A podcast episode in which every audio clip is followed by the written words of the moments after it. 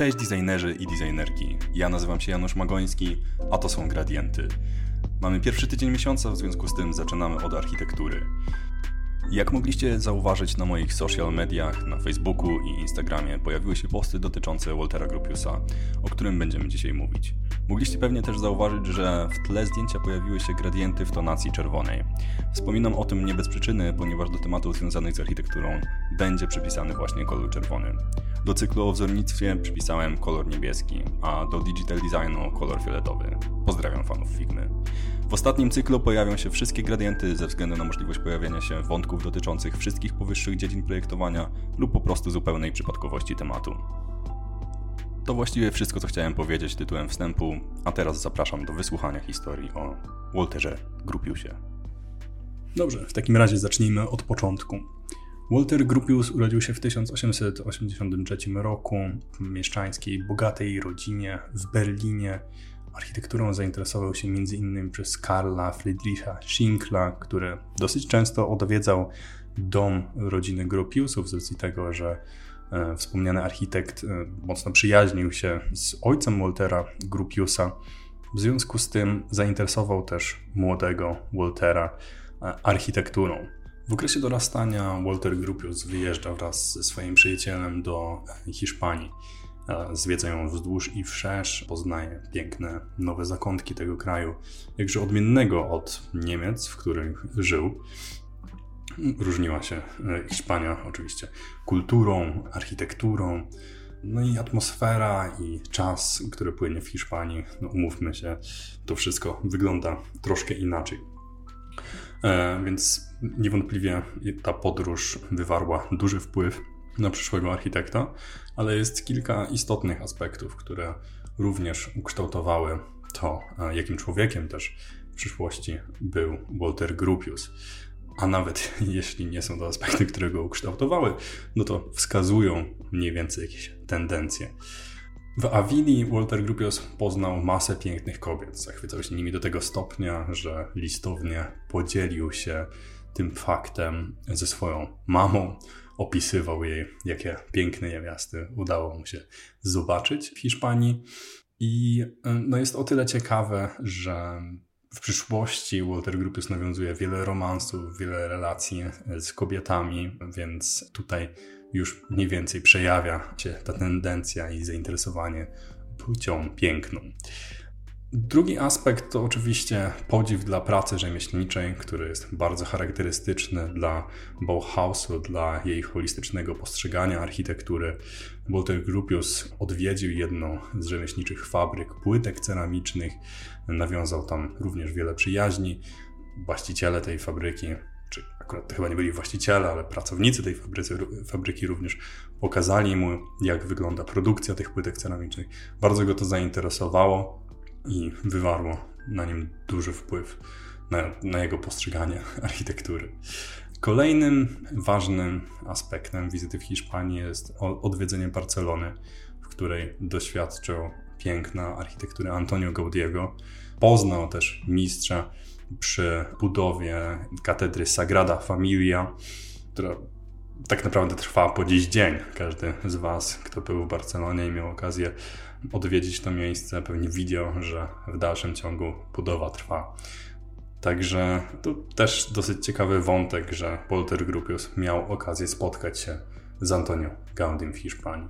W latach 1903 do 1905 e, grupy studiował architekturę w Monachium, a potem do 1907 roku w Charlottenburgu, była to dzielnica Berlina, jednak nie ukończył studiów.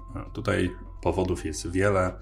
Jeden z nich to oczywiście fakt, że Grupy spostrzegał architekturę w inny sposób. Miał bardzo takie rewolucyjne podejście do tego, jak architektura powinna wyglądać i chciał zerwać ze starymi wzorcami, z takim konserwatywnym podejściem do architektury. Bardzo ważnym punktem w historii architekta jest praktyka u Petera Berensa. To właśnie tam poznał się z Misem van der Rohe i Le Corbusierem.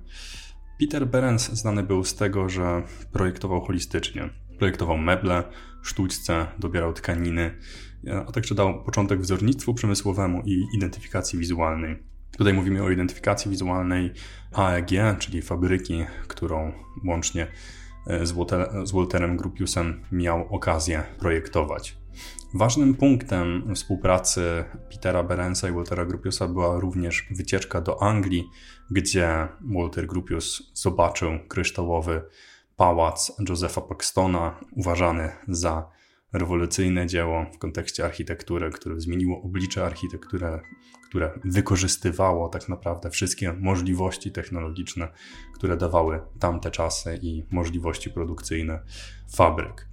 Istotnym elementem jest również taki wątek, może spoza współpracy już z Peterem Berensem, ale dosyć często matka e, podsyłała Walterowi Grupiosowi pracę Franka Lloyda Wrighta. Frank Lloyd Wright pewnie jest Wam znany, a jeśli nie, no to e, przywołam kilka takich interesujących jego prac.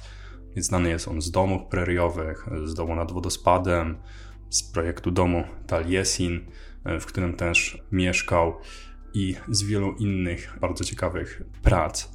Był on niewątpliwie wizjonerem na tamte czasy i miał bardzo wyjątkowe podejście do architektury i do kształtowania przestrzeni, co wywarło też olbrzymi wpływ na Waltera Gropiusa. Sam Walter Gropius też w przyszłości będzie miał okazję spotkać się z e, Frankiem Lloydem Wrightem, ale do tego dojdziemy później. Po jakimś czasie, e, po współpracy z Peterem Berensem, Walter Gropius decyduje się rozpocząć własną działalność. Zrezygnował ze współpracy z Peterem ze względu na różnice zdań i postrzeganie tego, jak architektura powinna być kształtowana, więc próbował wyprzedzić mistrza i no, posprzeczali się po prostu w pewnym momencie. W związku z tym każdy poszedł swoją drogą. Grup, bo tak go również nazywali jego uczniowie, otwiera własną pracownię z Adolfem Mayerem, również znanym architektem. Ich pierwszym projektem jest fabryka Fagus, jest to fabryka e, obuwia. Jest to obiekt traktowany jako pierwsze znaczące dzieło architekta, no i powstaje w 1911 roku. Niewątpliwie jak na tamte czasy, jeśli e, zwłaszcza obejrzymy sobie zdjęcia, jak ten obiekt wygląda, jest to no, dosyć ponadczasowy twór i wygląda bardzo nowocześnie jak na tamte czasy. W tym okresie pojawia się również dosyć istotny wątek prywatny, mianowicie Walter Gropius poznaje Almę Mahler. Alma Mahler była żoną Gustawa Mahlera, który z kolei był bardzo znanym kompozytorem w tamtych czasach, bardzo poważanym na całym świecie. I Alma Mahler pochodziła z Wiednia. W związku z tym otaczała się też całą tamtejszą bohemą, znała wielu pisarzy, dyrygentów, kompozytorów. Była bardzo wpływową kobietą i swego czasu w uzdrowisku w Styrii poznaje Waltera Gropiusa. Para od, od razu się w sobie zakochuje, no na nieszczęście dla Gustawa Malera. Jednak Alma Mahler była również znana z wielu innych romansów. Jednym z tych romansów była miłość do mm, właśnie, czy tam, może niekoniecznie miłość od razu, no ale spotkanie z Gustawem Klimtem, bardzo dużo e, ze sobą pisali, często się spotykali i miała również e, romans z tym artystą. Potem jak Gustav Mahler dowiedział się, że Walter Gropius i Alma Mahler są w dosyć intensywnym związku i spotykają się ze sobą dosyć często i, i ten związek tak naprawdę przybiera dosyć mocne oblicze, że nie jest to przelotny e, romans. No, Gustav Mahler jest załamany i do tego stopnia, że ląduje na kozetce u Zygmunta Freuda, czyli de facto idzie na psychoterapię, która ówcześnie nie jest jeszcze tak popularna, no ale dosyć ciekawym faktem jest, że Gustav Mahler miał okazję spotkać się z ojcem psychoanalizy. No, Mahler umiera w dzień 28 urodzin Gropiusa. Jest to dosyć istotny fakt, ponieważ zdaniem Almy to bardzo dobry znak. Jedno się zaczyna, drugie kończy. Wspaniała, wspaniałe przejście do nowego życia Almy i Gropiusa. Alma w tamtym czasie nie rezygnuje ze swojego nazwiska i pomimo tego, że wychodzi za mąż za Waltera Gropiusa, dalej nazywa się Almą Gropius Mahler albo Almą Mahler Gropius, czasem również Almą Mahler. W każdym razie nie rezygnuje ze swojego nazwiska po męży Gustawie Mahlerze, ponieważ jest to symbol statusu i klucz do wielu drzwi. W związku z tym, że Walter Gropius w cudzysłowie wykańcza Gustawa Mahlera, no karma nie zostaje obojętna. Kariera Waltera Gropiusa szybko musi być przerwana, ponieważ 28 czerwca 1914 roku austriacki arcyksiąże Franciszek Ferdynand i jego żona giną w zamachu w Sarajewie. W związku z tym rozpoczyna się pierwsza wojna światowa i z racji tego, że Walter Gropius był w tamtym czasie w rezerwie, odesłano go do 9 Regimentu Huzarów, którym też wcześniej był. O czym być może nie wspomniałem, ale Walter Gropius miał również doświadczenie wojskowe przez dosyć krótki okres. Wojna oczywiście nie pozostaje obojętna dla architekta. Pozostawia po sobie traumę, problemy ze snem, utrzymywały się bardzo długo po wojnie, ale wojna nie była jedynym problemem Waltera Gropiusa, ponieważ w tamtym czasie Alma z tęsknoty e, za mężem również wydaje się w kolejne romanse, między innymi z Kokoszką, bardzo znanym malarzem, oraz z Francem Werflem, który był pisarzem. No i niestety nie kończy się to dobrze dla ich małżeństwa w końcowym rozrachunku. Jak możecie się domyśleć, Aczkolwiek w międzyczasie, w 1915 roku, Alma Mahler rodzi córkę e, Walterowi Grupiusowi. Jest pewna, że to jego dziecko. Córka nazywa się Manon. No i Walter Grupius przez chwilę jest bardzo szczęśliwy i bardzo stara się o różnego rodzaju przepustki w czasie trwania wojny. Niestety, no, wojna jakby to, to nie jest coś, e, z czego e, Walter Gropius może od tak sobie zrezygnować. W związku z tym e, przepustki trwały bardzo krótko i musiał często wracać na front.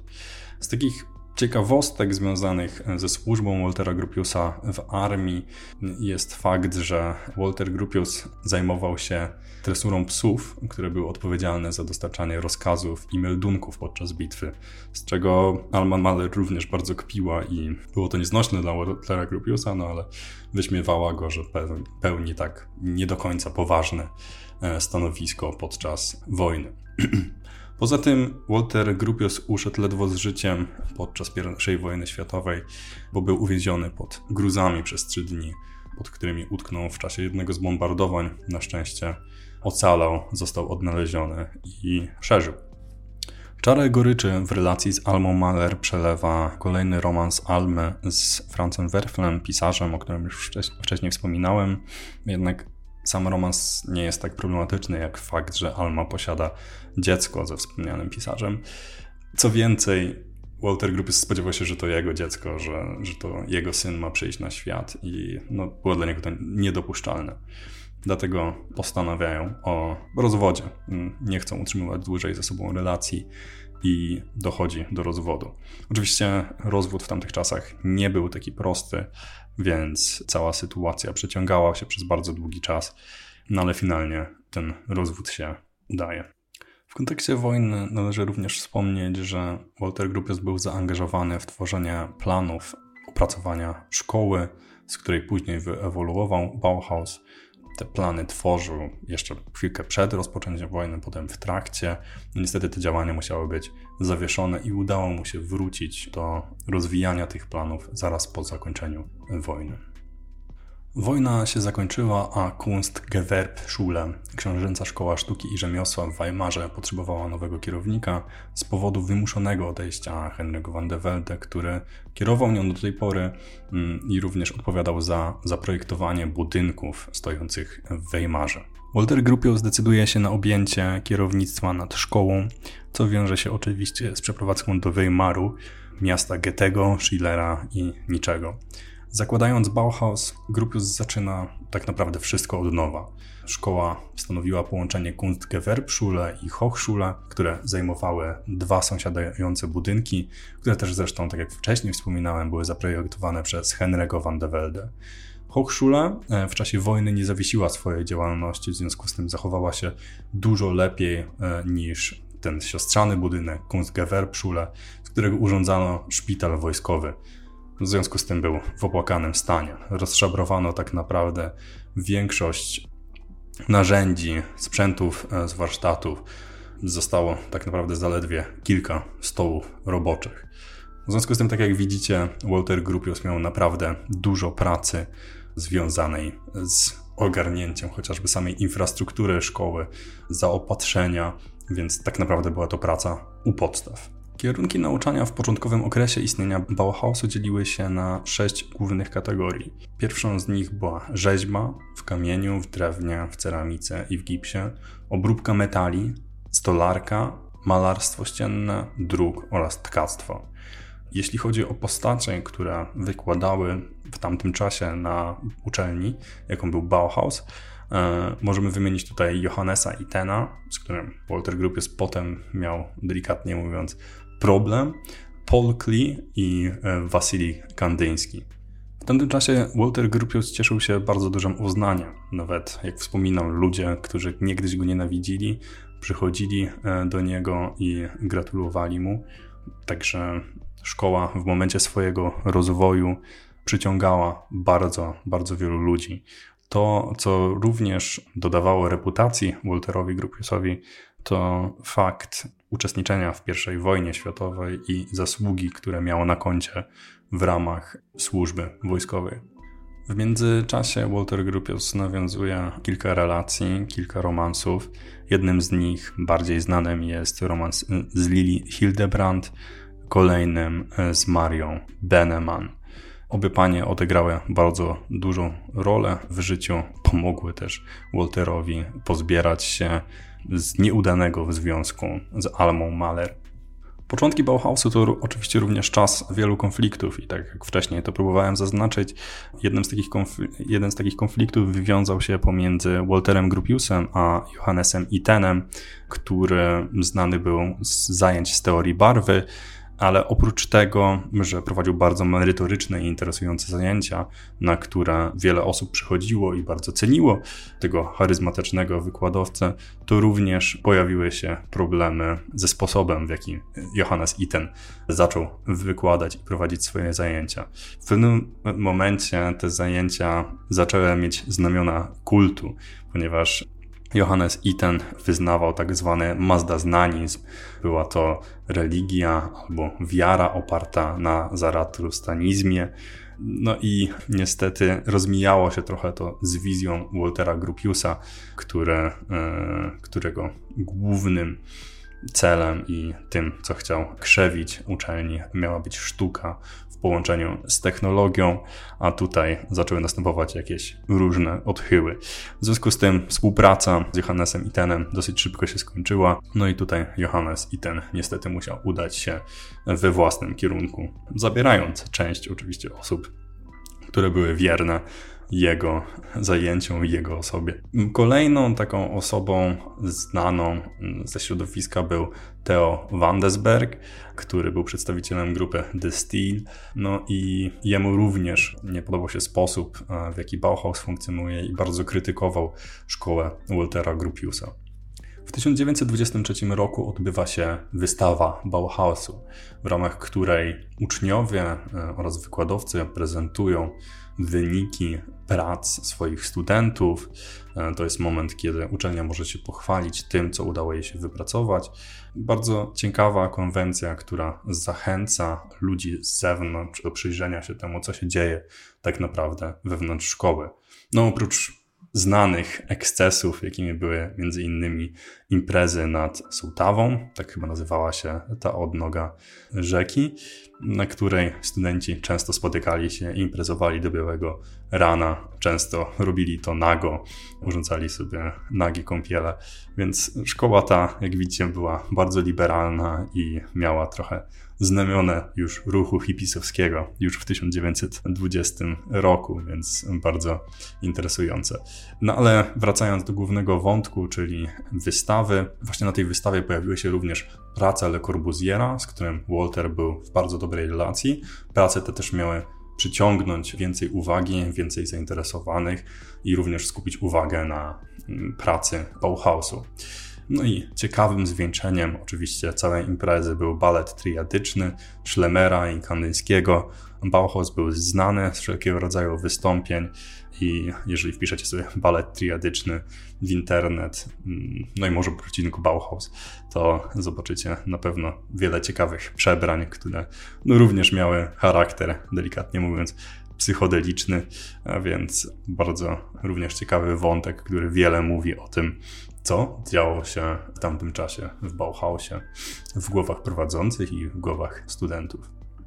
W tamtym czasie Walter Gropius poznaje również swoją przyszłą żonę, Ilse, którą potem nazywa Isa, no i zresztą tak zwraca się do niej już do końca swojego życia, ponieważ Isa, pomimo wielu ciekawych kwestii i no może nie będę tutaj zdradzał, ale no jakby związek Waltera Grubiosa i Ilse Grubios, krótko mówiąc, był dosyć burzliwy. Niedługo potem odbywa się ślub, którego świadkami jest Paul Klee i Wasili Kandyński. No i ich podróż poślubna odbywa się do Paryża. Tam też wizytują u Le Corbusiera, rozmawiają o architekturze i o swojej wizji architektury i o nowych, ciekawych koncepcjach i rodzącym się ruchu międzynarodowym. Swoją drogą, sam Walter Gropius nigdy nie przepadał za tą nazwą, powiedziałem ruchu międzynarodowym, ale tak naprawdę powinienem wspomnieć o architekturze międzynarodowej. Nie był on zwolennikiem generalizowania tego, czym powinna być architektura i sprowadzania ją do wspólnego mianownika na całym świecie. No ale to już inny wątek. W międzyczasie Bauhaus zostaje obwieszczony antyniemiecką instytucją. W obronie tejże uczelni staje tak zwany krąg przyjaciół Bauhausu, w którego skład wchodzi między innymi Albert Einstein. W związku z, z nasilającą się niechęcią do tejże szkoły, Walter Gropius postanawia poszukiwać nowego miejsca i jednym z kandydatów jest Kolonia na zachodzie Niemiec. Walter Gropius nawet rozmawia z Konradem Adenauerem o nowej siedzibie w tamtym miejscu, jednak nie dochodzi do transakcji. No i szkoła nie powstaje w Kolonii koniec końców. Jednak również warto podkreślić tutaj rolę ISA, która niewątpliwie odgrywała bardzo dużą rolę w kontekście marketingu, opowiadania o szkole, o tym, jakie wartości ze sobą niesie i co może dać przyszłym pokoleniom. Sytuacja w Weimarze dalej się zaognia i na skutek nacisków narodowo-socjalistycznej niemieckiej partii robotników, dzisiaj znanej również jako NSDAP, w 1925 roku Bauhaus musi zakończyć swoją działalność w Weimarze. Grupius w ramach złapania dystansu i poszukiwania rozwiązań na daną sytuację wyjeżdża z ISE do Włoch, jednak ich wyjazd zostaje bardzo szybko przerwany wiadomością z Dessau, który jest zainteresowany współpracą z Bauhausem. No i krótko potem Walter wraca do kraju i projektuje nową siedzibę szkoły Bauhausu. W czerwcu 1925 roku architekt przedstawiał władzom Dessau pierwsze szkice i model nowego budynku szkoły. W jednym skrzydle miały się znajdować sale do nauki oraz warsztaty, a także teatr, stołówka, sala gimnastyczna i w drugim skrzydle 28 kawalerek dla uczniów. Oprócz projektu szkoły w Dessau, architekt przygotował również kolonię domków w Dessau, w której mieli mieszkać mistrzowie. Oczywiście budynek nie pozostawał bez wad, pomimo tego, że był jednym z największych osiągnięć architektonicznych Grupiusa, ale pod względem sta stanu technicznego, no niestety pozostawiał bardzo wiele do życzenia. Takie rzeczy, na które można byłoby zwrócić uwagę, to płaski dach, który szybko zaczął przeciekać. W prefabrykowanych betonowych ścianach zaczęły pojawiać się pęknięcia. Z kolei spektakularna szklana kurtyna, która z jednej strony bardzo doświetlała pracownie i sale warsztatowe e, szkoły, latem niestety bardzo uprzykrzała życie studentom, ponieważ lubiło się tam niesamowicie gorąco, z kolei zimą niesamowicie zimno. Jednak triumf tego budynku polegał na tym, że dzięki niemu rozkwitła wspólnota Bauhausu. Jego piękno i swoboda zwiastowały nowe możliwości w sztuce. W szkole następuje zmiana starego podziału na mistrzów rzemiosła i wzornictwa. W tym momencie każdy nauczyciel miał pełnić obie role. Grupie skład nacisk przede wszystkim na połączenie sztuki i technologii oraz pragnął stworzyć wspólnotę wolnomyślicieli, w której sztuka nie będzie uważana za luksus czy też fanaberię, miała ona stanowić nieodzowny element życia. W tamtym czasie e, Walter Gropius był bardzo często porównywany do Williama Morrisa, który był przedstawicielem ruchu Arts and Crafts. Jednak przedstawiciele tego ruchu spoglądali wstecz, próbowali odtworzyć romantyzm i wymyśloną przeszłość, natomiast Gropius spoglądał w przyszłość i szukał nowoczesnego świata, w którym łączył najróżniejsze dyscypliny, nurty myślenia. Sztuka miała się tutaj łączyć z nauką, technologią, a także psychologią. Warsztaty Bauhausu nie miały być tylko i wyłącznie warsztatami, ale miejscami do eksperymentowania, przestrzenią podobną do laboratoriów, w której mia- mieli się kształcić nowi współpracownicy przemysłu i rzemiosła. Z ciekawostek zarządzanie pracownią Grupiusa i Adolfa Meyera przejmuje dotychczasowy asystent Ernst Neufert. No i przejmuje tą rolę z tego względu, że Grupius z oczywistych powodów nie ma za bardzo czasu, żeby zajmować się wszelkiego rodzaju zleceniami i potrzebuje osoby, która będzie zarządzała pracownią i dyrygowała resztą zatrudnionych osób, w czasie gdy on będzie mógł się zająć rozwojem uczelni. Ernst Neufert może być wielu z Was, zwłaszcza osobom, które studiowały architekturę, znany ze swojego podręcznika projektowania, który zawiera całą masę ciekawych wzorców projektowych. Jest to swego rodzaju encyklopedia projektantów architektonicznych. Możecie znaleźć tam masę gotowych wzorów, jak zaprojektować na przykład mieszkanie, jak zrobić parking podziemny, no, ca cała masa ciekawych rzutów, przekrojów, które jednocześnie tłumaczą, jak można pewne kwestie rozwiązać. Jest to swego rodzaju kompendium, które każdy e, z architektów zna i który, no i zakładam, że każdy student ma też jeden z takich podręczników w swoim domu. Ten podręcznik jest dosyć mocno dostępny. W tym czasie powstało, znaczy w tym przez ten czas mam na myśli, obecnie powstało nowe wydanie. Został on wydany w nowej, rozszerzonej wersji, więc możecie go kupić w większości księgarni. Polecam, jeżeli ktoś jest zainteresowany, nawet przejrzeć sobie. Bardzo interesująca książka, podręcznik, co jak zwał. W tamtym czasie miała też miejsce realizacja projektu Bauhaus Bücher, czyli tzw. Tak książki Bauhausu. Jeśli chodzi o ilość tych książek, to powstało ich 14. Były one publikowane w różnych językach, no i zachowały się do dziś, więc jest to na pewno też niesamowita dawka wiedzy o samym Bauhausie i o tym, co tworzono w owym czasie tej szkole.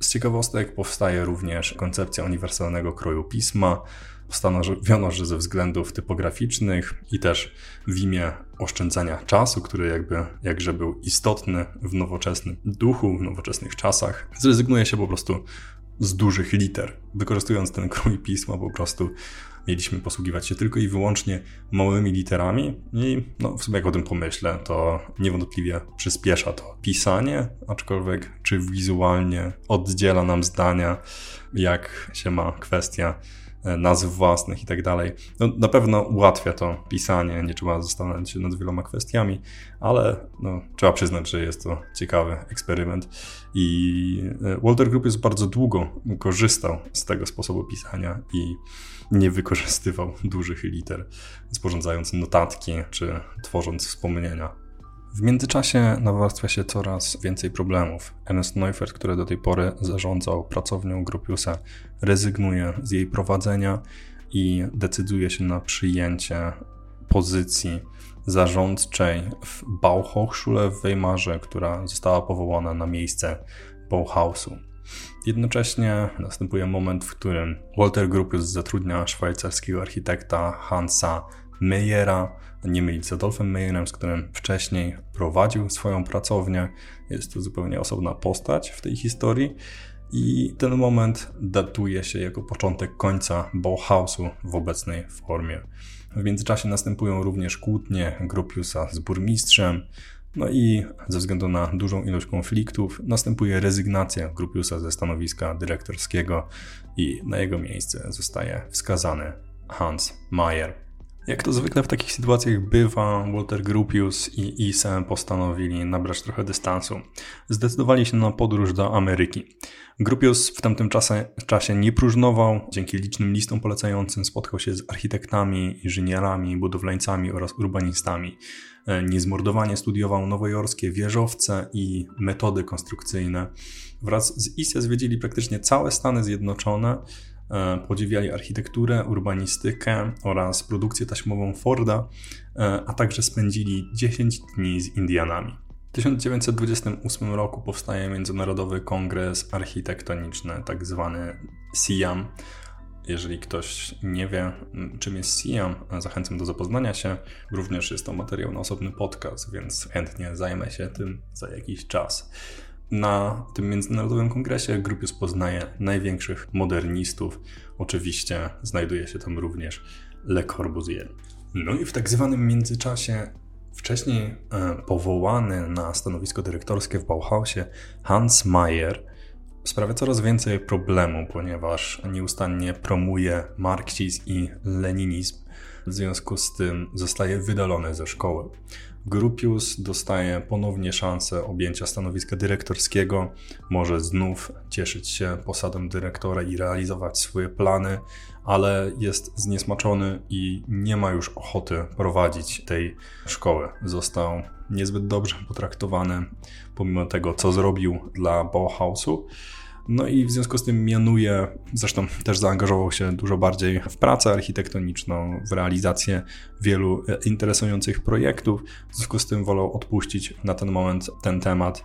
Napięcia w kraju oraz dochodząca do władzy narodowo-socjalistyczna niemiecka partia robotników również nie sprawiały, że był to dobry moment dla Waltera Gropiusa, żeby ponownie objąć stanowisko dyrektorskie. W związku z tym mianuje na swojego następcę kolejnego dyrektora, trzeciego i ostatniego dyrektora Bauhausu, Misa van der Rohe, którego możecie kojarzyć m.in. z pracowni Petera Berensa, o której już wspominałem, no i oczywiście z wielu, wielu e, jego niesamowitych projektów architektonicznych. W tym czasie Walter Gropius zajmuje się dwoma bardzo ambitnymi projektami dla Związku Radzieckiego, ale powiem tylko jednym z nich. W 1930 roku przystępuje do międzynarodowego konkursu na projekt budynku Ukraińskiego Teatru Państwowego w Charkowie. No, oczywiście nie wygrywa tego e, konkursu, ponieważ projektuje w duchu międzynarodowym, a nie socjalistycznym, ale mimo wszystko jest to dosyć ciekawa historia w kontekście pracy Waltera Gropiusa. Tamten okres to bardzo burzliwy moment życia Waltera Gropiusa, zarówno pod kątem e, zawodowym, jak i prywatnym, ponieważ Ise, żona Waltera Gropiusa, pada w romans z jednym z jego pracowników, Herbertem Bayerem, i następuje dosyć dziwna relacja między oboma panami, ponieważ Walter Gropius dosyć szybko dowiaduje się o tym romansie, jednak no, jest już dorosłym mężczyzną. Sytuacja jest tutaj troszkę lustrzanym odbiciem jego relacji z Almą Mahler, żoną Gustawa Malera, z tym, że no, w tym wypadku Walter Gropius staje się Gustawem Malerem i jest zdradzony przez Isę. Nie załamuje się oczywiście z tego powodu, nie, nie kończy związku, nie, nie rzuca talerzami. Jak wy, zwykle w takich sytuacjach próbuje dogadać się ze swoim konkurentem. Wcześniej z Gustawem Malerem, teraz z Herbertem Bayerem. W książce jest dosyć niejasno to opisane, ale relacja pomiędzy panami zawsze była bardzo bliska. Byli oni dosyć, no krótko mówiąc, e, przyjaciółmi z pracy i doskonale dogadywali się, e, dzielili e, tą samą wizję. Aczkolwiek no, tutaj ta relacja Herberta Bayera i Waltera Gropiusa jest dosyć interesująca w kontekście tego, że no, Herbert Bayer jednak był kochankiem obecnej żony Waltera Gropiusa. No i ten temat przewija się przez bardzo długi czas, tak naprawdę. Potem w czasie emigracji e, Ise cały czas pisze z Herbertem Bayerem. Herbert Bayer potem w przyszłości również pojawia się w życiu Waltera Gropiusa i no, cały czas żyją dosyć blisko i w przyjaźni ze sobą, więc no, jest to dosyć ciekawy i interesujący wątek. Nad Bauhausem zbierają się czarne chmury. Do władzy dochodzi Hitler, i Bauhaus zostaje ogłoszony antyniemiecką szkołą i zostaje zamknięty. Mies stara się jeszcze ratować sytuację, przenosi szkołę do Berlina, jednak ta nie istniała długo i zostaje również zamknięta w roku 1933. Z racji rozwodu z Almu Mahler oraz przekazania jej praw rodzicielskich, Walter Gropius jest oddzielony od swojej córki Manon. Utrzymuje z nią jednak kontakt listowny i po połowie czerwca 1933 roku wysyła do niej list, który dosyć dobitnie tłumaczy jego punkt widzenia w danym czasie. W liście pisze: Perspektywy fatalne, żadnej pracy, żadnych zleceń. Od kilku miesięcy chadzam na długie spacery jak nigdy wcześniej w całym moim życiu.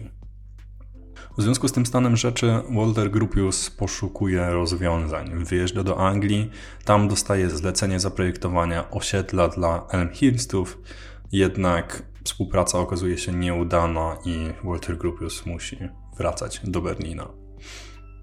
W tym czasie Miss van der Rohe otwiera ponownie Bauhaus po trzech miesiącach.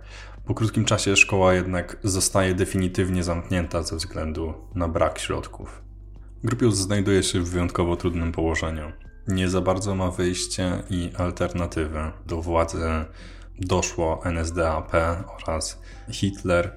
Jedyną opcją jest przejście na ciemną stronę mocy, podobnie jak to zrobił przedstawiciel młodszego pokolenia Albert, Albert Speer, bezpośredni architekt samego Hitlera, czy też może wspomniany już wcześniej Ernst Neufeld, który został komisarzem Speera do spraw standaryzacji. Walter Gropius nie podążył jednak tą drogą i znalazł inne rozwiązanie. I tym samym zamyka się pierwszy etap życia Waltera Gropiusa. Autorka książki Walter Gropius, człowiek, który zbudował Bauhaus, Fiona McCarthy, podzieliła życie Waltera Gropiusa na trzy etapy. I tak naprawdę te etapy są bardzo wyraźne. Pierwszym z tych etapów jest oczywiście życie Waltera Gropiusa na terenie Niemiec, realizacja swojej wizji szkoły, która miała kształcić przyszłe pokolenia projektantów, designerów, którzy mieli zmieniać świat. Kolejnym etapem, o którym sobie teraz powiemy, jest drugie życie w Anglii. Rok 1933 to okres, w którym Walter Gropius i Isa zaczynają nowe życie. Walter ponownie próbuje swoich sił w Wielkiej Brytanii, w kraju aliantów i robi to za pomocą starego przyjaciela Mortona Shanda, który załatwia mu współpracę z londyńskim architektem Maxwellem Frey, Frey, Freyem. Freyem. Chyba Freyem. Z listów do Manon z tamtego okresu wynika, że Walter Gropius jest zaniepokojony tym, co się dzieje w kraju i woli nie zdradzać swojego miejsca pobytu. W związku z tym prosi Manon, żeby nie pisała na adres pracowni Maxwella Freya. Oprócz tego zdradza również swój stosunek do, do kraju, w którym obecnie przebywa i zadaje dość ciekawe, retoryczne pytanie Ciekaw jestem, jak sobie poradzę w tym nieartystycznym kraju warzyw bez soli, kościstych kobiet i nieustannych przeciągów. No, ten cytat dosyć dużo mówi o jego stosunku do Wielkiej, Wielkiej Brytanii. W tamtym czasie na pewno nie podobało mu się to życie na emigracji. Z książki też jasno wynika, że Walter Gropius nie był doceniany tak jak w Niemczech, z oczywistych względów. W związku z tym musiał budować swoją pozycję praktycznie od zera. Oczywiście miał wielu popleczników i osób, które znały go z jego twórczości, co nie zmienia jednak faktu, że żył tak naprawdę w nowym kraju i musiał, no, krótko mówiąc, rozpychać się łokciami i próbować wszelkich możliwych sił, żeby utrzymać się na powierzchni.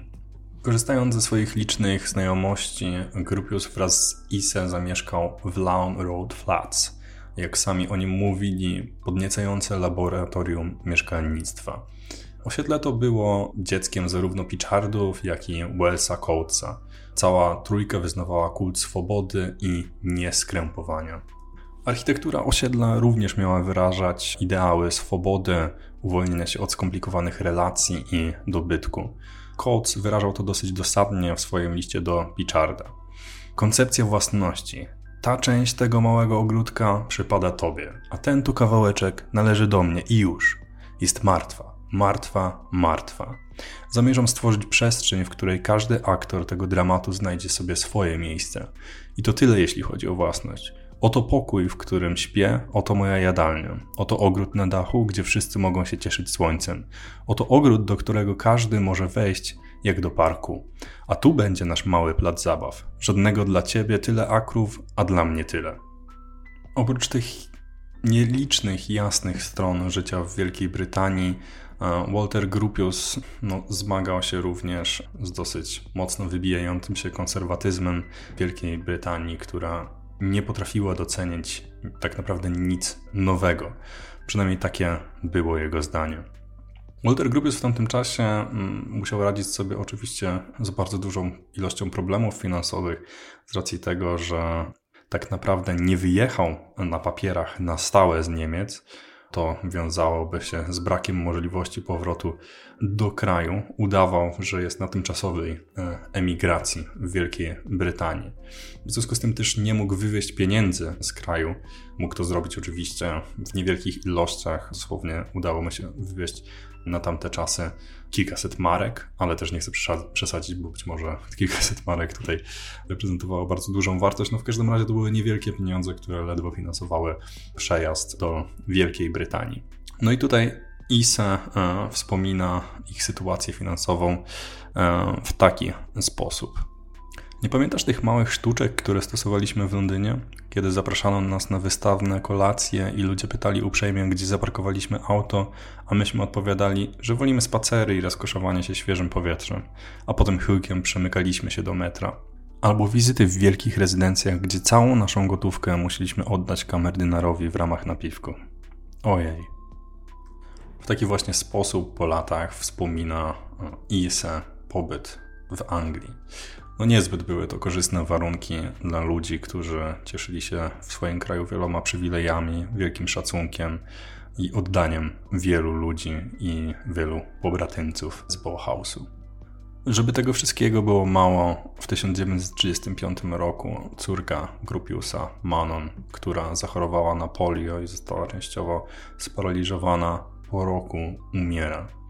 E, Walter Grupius cierpi po utracie dziecka przez resztę swojego życia. Lawina nieszczęścia niestety nie spowalnia. Siostra Ise, Herta, umiera i osieraca tym samym swoją córkę Ati. Grupy sobie postanawiają przejąć nad nią opiekę i zajmują się nią aż do dorosłego życia. W 1936 roku los uśmiecha się jednak do Gropiusa.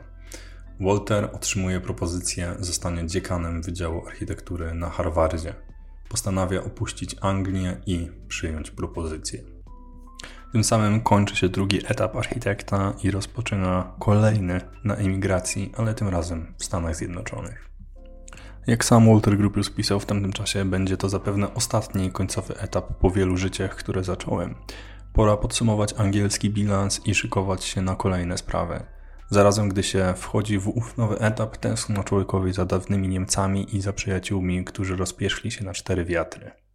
Los uśmiecha się do Grupiusów. Poza tym, że Walter Grupius piastuje stanowisko dziekana Wydziału Architektury na Harvardzie, budują oni również dom w Lincoln.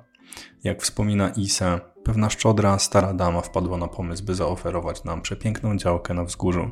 Nie widać stamtąd prawie żadnego innego budynku. Walter zaprojektuje dom, a następnie go od niej wynajmie. Brzmi jak bajka, ale skoro Walter rozstrzyga już tak szczegółowe kwestie jak rozplanowanie łazienek, chyba powinnam w nią uwierzyć. Aby zapewnić sobie dodatkowy przychód, Walter Gropius wznawia działanie pracowni. Jeden z najbardziej znanych projektów z tamtych czasów to Frank House w Pittsburghu.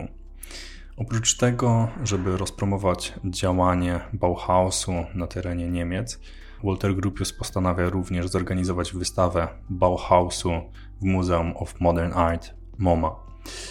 E, Moholi Nagia, Laszlo Moholi Nagia, e, który również był współpracownikiem, węgierskim współpracownikiem Waltera Gropiusa z czasów pierwszego etapu jego życia, wznawia działanie szkoły pod nazwą New Bauhaus, a potem School of Design. E, z kolei Black Mountain College również czerpie ze spuścizny Bauhausu. W szkole uczy Józef Albers oraz Xanti Szawiński. W tym okresie również dochodzi do spotkania Franka Lloyda Wrighta, który odwiedza dom Grupiusa w Lincoln. Jak wspomina Grupius, długo rozmawialiśmy, kiedy w styczniu 1940 roku podjąłem go obiadem u siebie w domu. Był zgorzkniały i niezadowolony ze sposobu, w jaki traktuje się go w jego ojczyźnie. Podkreślał zwłaszcza, że mianowano mnie dziekanem Wydziału Architektury na Harvardzie, podczas gdy on w młodszych latach nigdy nie dostał równie prestiżowej propozycji. Z kolei w 1948 roku Sibyl Moholi Nagi, a, czyli żona a Laszlo Moholiego, a, odwiedziła Wrighta w jego posiadłości Taliesin. Gdy rozmowa zeszła tam na temat Grupiusa, Wright westchnął i powiedział, że porządny człowiek jak większość Niemców. Potem jednak dodał, szkoda, że nie jest architektem, a jedynie inżynierem. Życie zawodowe Waltera Grupiusa o jakże sinusoidalnym charakterze znowu znajduje się w dołku. Marcel Breuer e, rezygnuje ze współpracy z Grupiusem. Jest poirytowany faktem odgrywania drugich skrzypiec zarówno na uczelni, jak i w pracy zawodowej i postanawia założyć własną działalność. W odpowiedzi na ten problem, z którym Grupius znowu musi się zmierzyć i znaleźć rozwiązanie, po jakimś czasie powstaje TAC, czyli The Architects Collaborative. W międzyczasie znowu pojawia się wątek Alberta Einsteina i jego powiązań z Walterem Gropiusem. No, jest to niesamowite, w sensie nigdy nie słyszałem o tym, żeby Albert Einstein utrzymywał kontakt z którymś z architektów, no ale tutaj najwyraźniej kilka razy e, pomagał Walterowi Grupiusowi. Tym razem przyszedł dobry moment, żeby i Walter Grupius mógł się odwdzięczyć Albertowi Einsteinowi. Mianowicie fizyk poprosił architekta, żeby pomógł jemu y, zaprzyjaźnionemu architektowi Konradowi Wachsmanowi. No i Grupius też pomaga i umożliwia Konradowi Wachsmanowi przelot do Stanów Zjednoczonych, Zjednoczonych i przyjmuje też go pod swój dach. Z kolejnych ciekawostek, jednym z podopiecznych Ultera Gropiusa był I.M. Pei, którego możecie kojarzyć z piramidy pod Louvrem. W związku z krytycznym położeniem, w którym znalazło się wielu z członków Bauhausu, Walter Gropius również bierze udział w stworzeniu funduszu wsparcia na rzecz byłych członków Bauhausu. Jak tylko pojawiła się taka możliwość, Walter Gropius postanowił powrócić do Berlina, żeby zobaczyć na własne oczy, co wydarzyło się w jego mieście, w którym się urodził. No i sam opisuje to w ten sposób. Dopóki nie zobaczy się na własne oczy ludzi i miast, niepodobno wyobrazić sobie, co wojna uczyniła z Europą. Widziałem się z bliskimi, i z wieloma innymi osobami, zwłaszcza z dawnymi członkami Bauhausu. Wracam kompletnie wyczerpany. Udzieliłem gubernatorowi wojskowemu rad dotyczących odbudowy. Nie wiem jednak, czy w obecnych warunkach zintegrowany całościowy plan jest rzeczą wskazaną, bo wszyscy myślą wyłącznie o tym, by jak najszybciej zapewnić sobie dach nad głową. W 1945 roku Amerykanie zwrócili bomby atomowe na Hiroshima i Nagasaki. Mm, niestety od tamtego okresu grupiesowie znów zaczęli obawiać się o swoją przyszłość. I se tak wspominała tamto zdarzenie. Nic nie ma sensu, skoro tak naprawdę siedzimy i czekamy, aż bomba atomowa oszlifuje nam kości. Z kolei jeśli chodzi o Bauhaus na terenie Niemiec, zaraz po wojnie podejmowano starania, żeby wskrzesić tę instytucję. Dawny sprzymierzeniec Grupiusa znów otrzymał stanowisko burmistrza, Fritz Hesse, a z kolei były uczeń uczelni, jaką był Bauhaus, Hubert Hoffmann, został mianowany nowym dyrektorem. Walter Gropius otrzymał nawet propozycję powrotu do Dessau i objęcia pozycji dyrektora, jednak nie zgodził się na to. Po jakimś czasie jednak Weimar i Dessau znalazły się w radzieckiej strefie wpływów. Wynikało to z podziału Niemiec na RFN i NRD, no i niestety stalinowska polityka kulturalna nie akceptowała Bauhausu ani jego siedziby na tym terenie. Awangardę postrzegano jako sztukę, która była zdegenerowana i którą powinien zastąpić socrealizm. Jedyny okres, e, co ciekawe, który był chwalony przez rządy komunistów, były rządy Hansa Meyera, który chwalił e, ówcześnie marksizm i leninizm, o czym też już wspominaliśmy. Ich zdaniem Bauhaus odpowiadał wówczas na autentyczne potrzeby ludu. Z Harvardu zrodził się TAC, czyli The Architects Collaborative. Firmę tworzyło 8 osób, w tym oczywiście Walter Gropius, Louis Macmillan, Robert Macmillan, Ben Thompson oraz dwie pary małżonków, John i Sally Harknessowie oraz Jen i Norman Fletcherowie. Wszyscy oprócz Gropiusa mieli po 30 lat. TAC w pewnym momencie stało się jedną z największych pracowni architektonicznych w całych Stanach Zjednoczonych. Zatrudniało setki osób aż do 1995 roku, w którym to zbankrutowało. Co ciekawe, przyczyną bankructwa był jeden z projektów, w którym brał udział jeszcze Walter Gropius. Był to projekt Uniwersytetu w Bagdadzie. Niestety ówczesny rząd nie, nie zapłacił za większość prac, które wykonali architekci i no, w związku z tym pracownia w 1995 roku zbankrutowała.